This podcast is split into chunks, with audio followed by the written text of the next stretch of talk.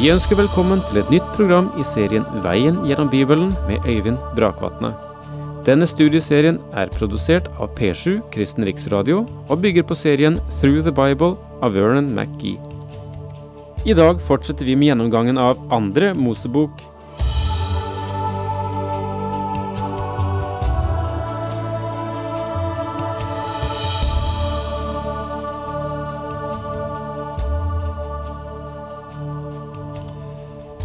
Ja, jeg må også få oppmuntre dere til å være med meg et stykke igjen. Ikke langs veien gjennom Bibelen bare på denne korte stunden, men eh, veien videre gjennom tabernaklet. For det er den vi holder på med nå.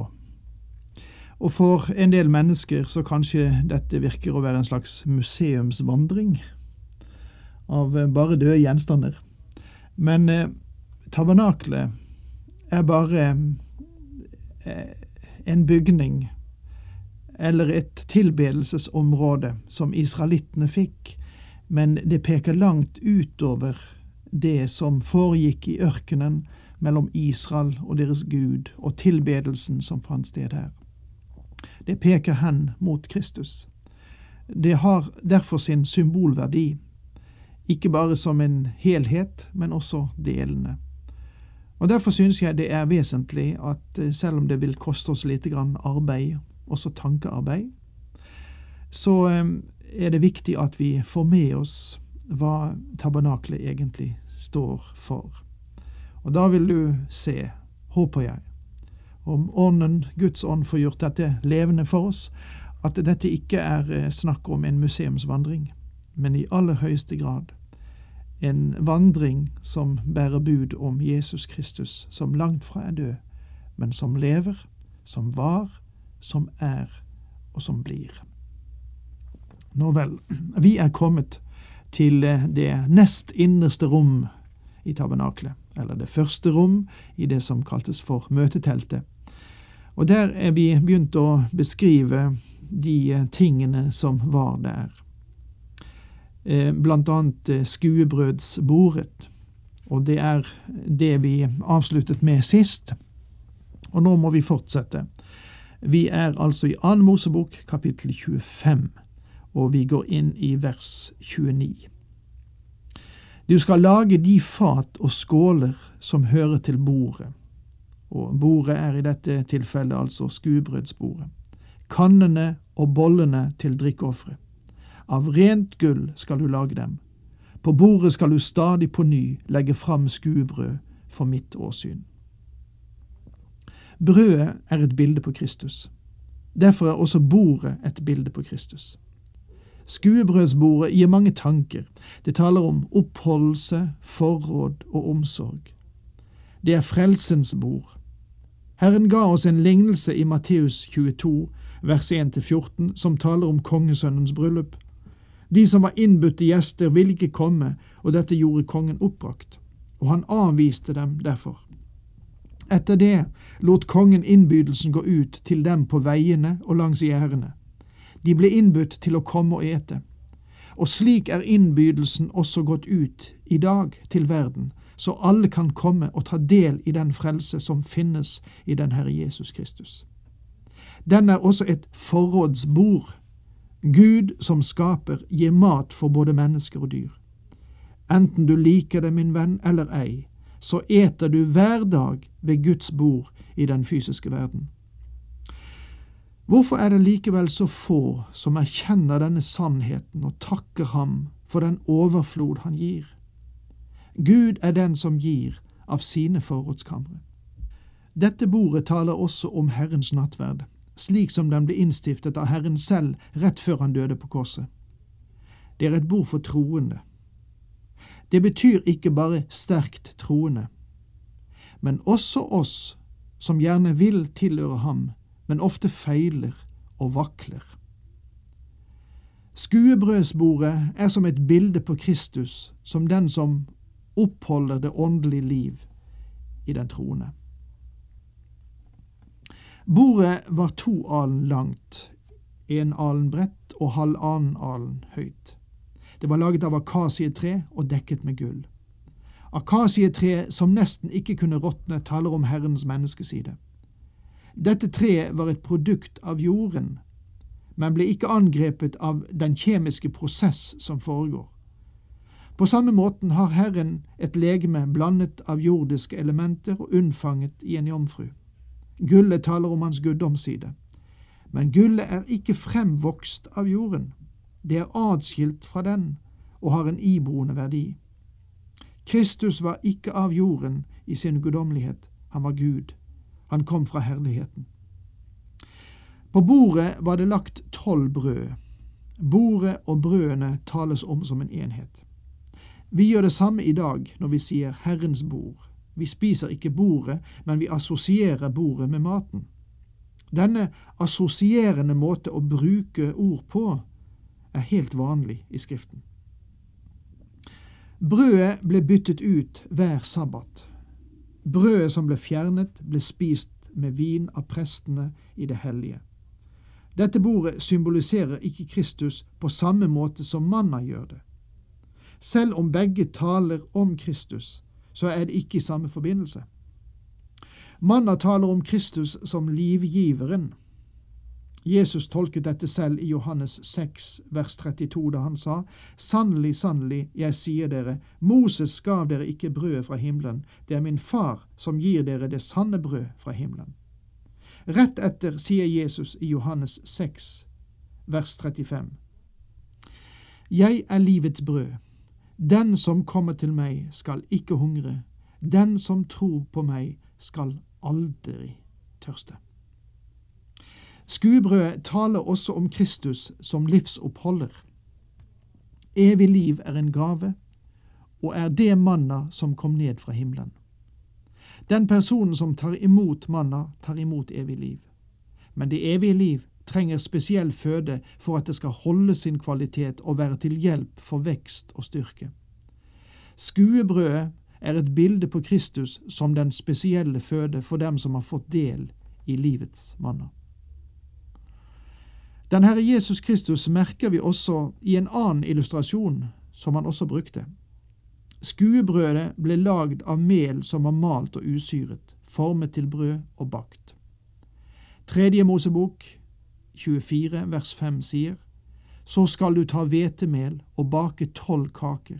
I hver kake skal det være to tiendedels efa.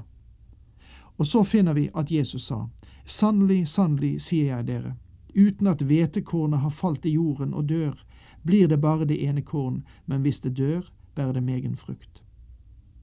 Den Herre Jesus Kristus ble malt mellom lidelsenes møllesteiner. I sin smerte ropte Kristus i Johannes 12, vers 27, Nå er min sjel fylt med angst. Men skal jeg så si, Far, frels meg fra denne stunden? Nei, til denne stund skulle jeg komme.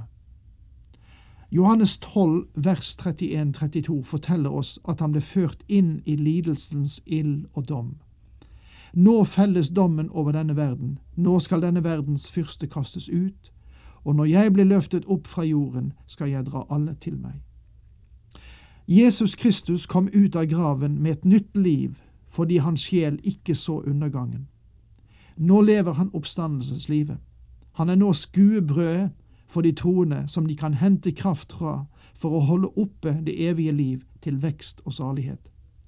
Den kristne skal hente sin næring fra den levende Kristus. Han skal komme til Kristus som han er i dag, levende ved Guds høyre hånd. Jesus Kristus sa, Jeg er livets brød. Det er et gammelt ordspråk som inneholder den tanken at tingene finner sin vekst etter den næring som den får. Og en bok som er utgitt om slanking, har tittelen Du er det du eter.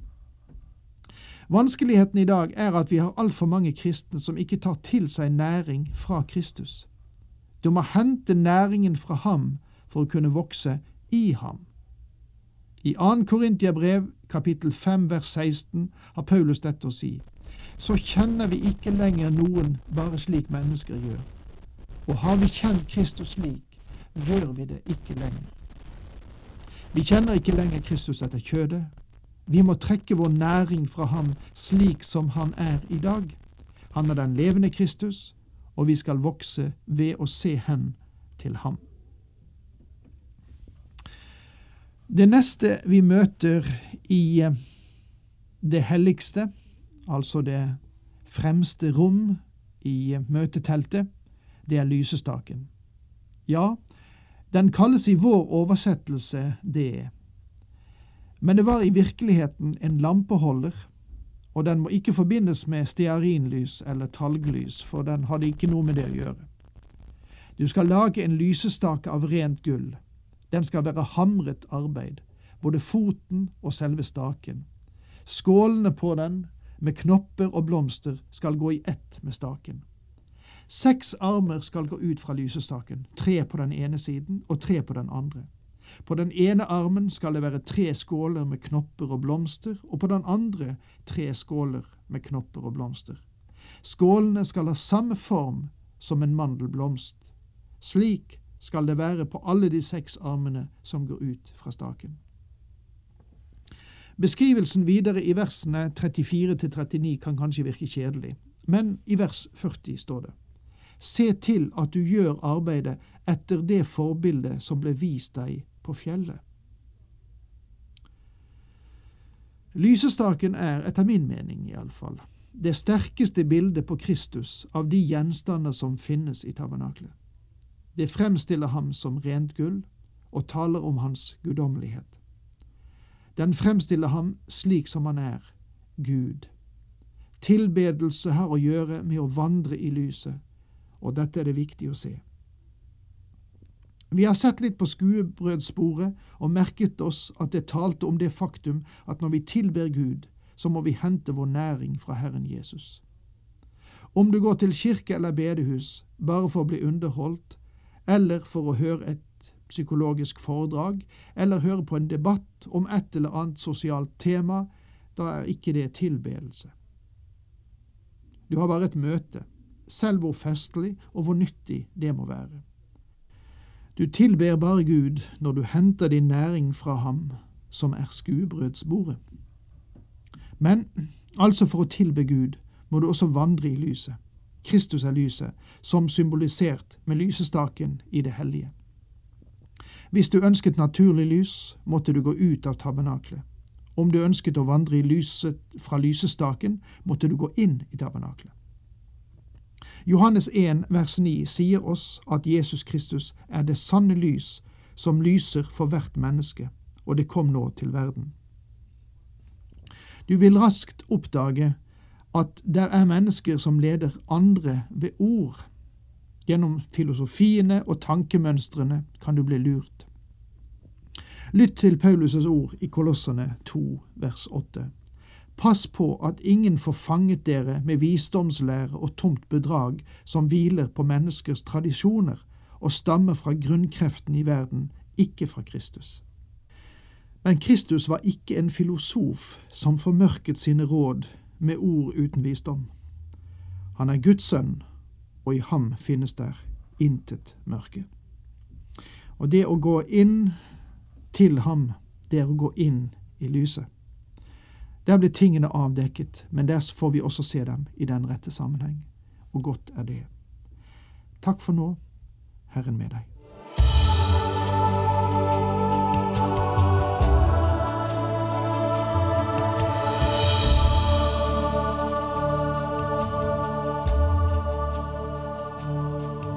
Du hørte Øyvind Brakvatne i studieserien Veien gjennom Bibelen. Serien bygger på et manus av Vern McGee. Har du spørsmål eller kommentarer til programmet, kan du sende en e-post til vgb krøllalfa p7.no. Takk for i dag, og på gjenhør.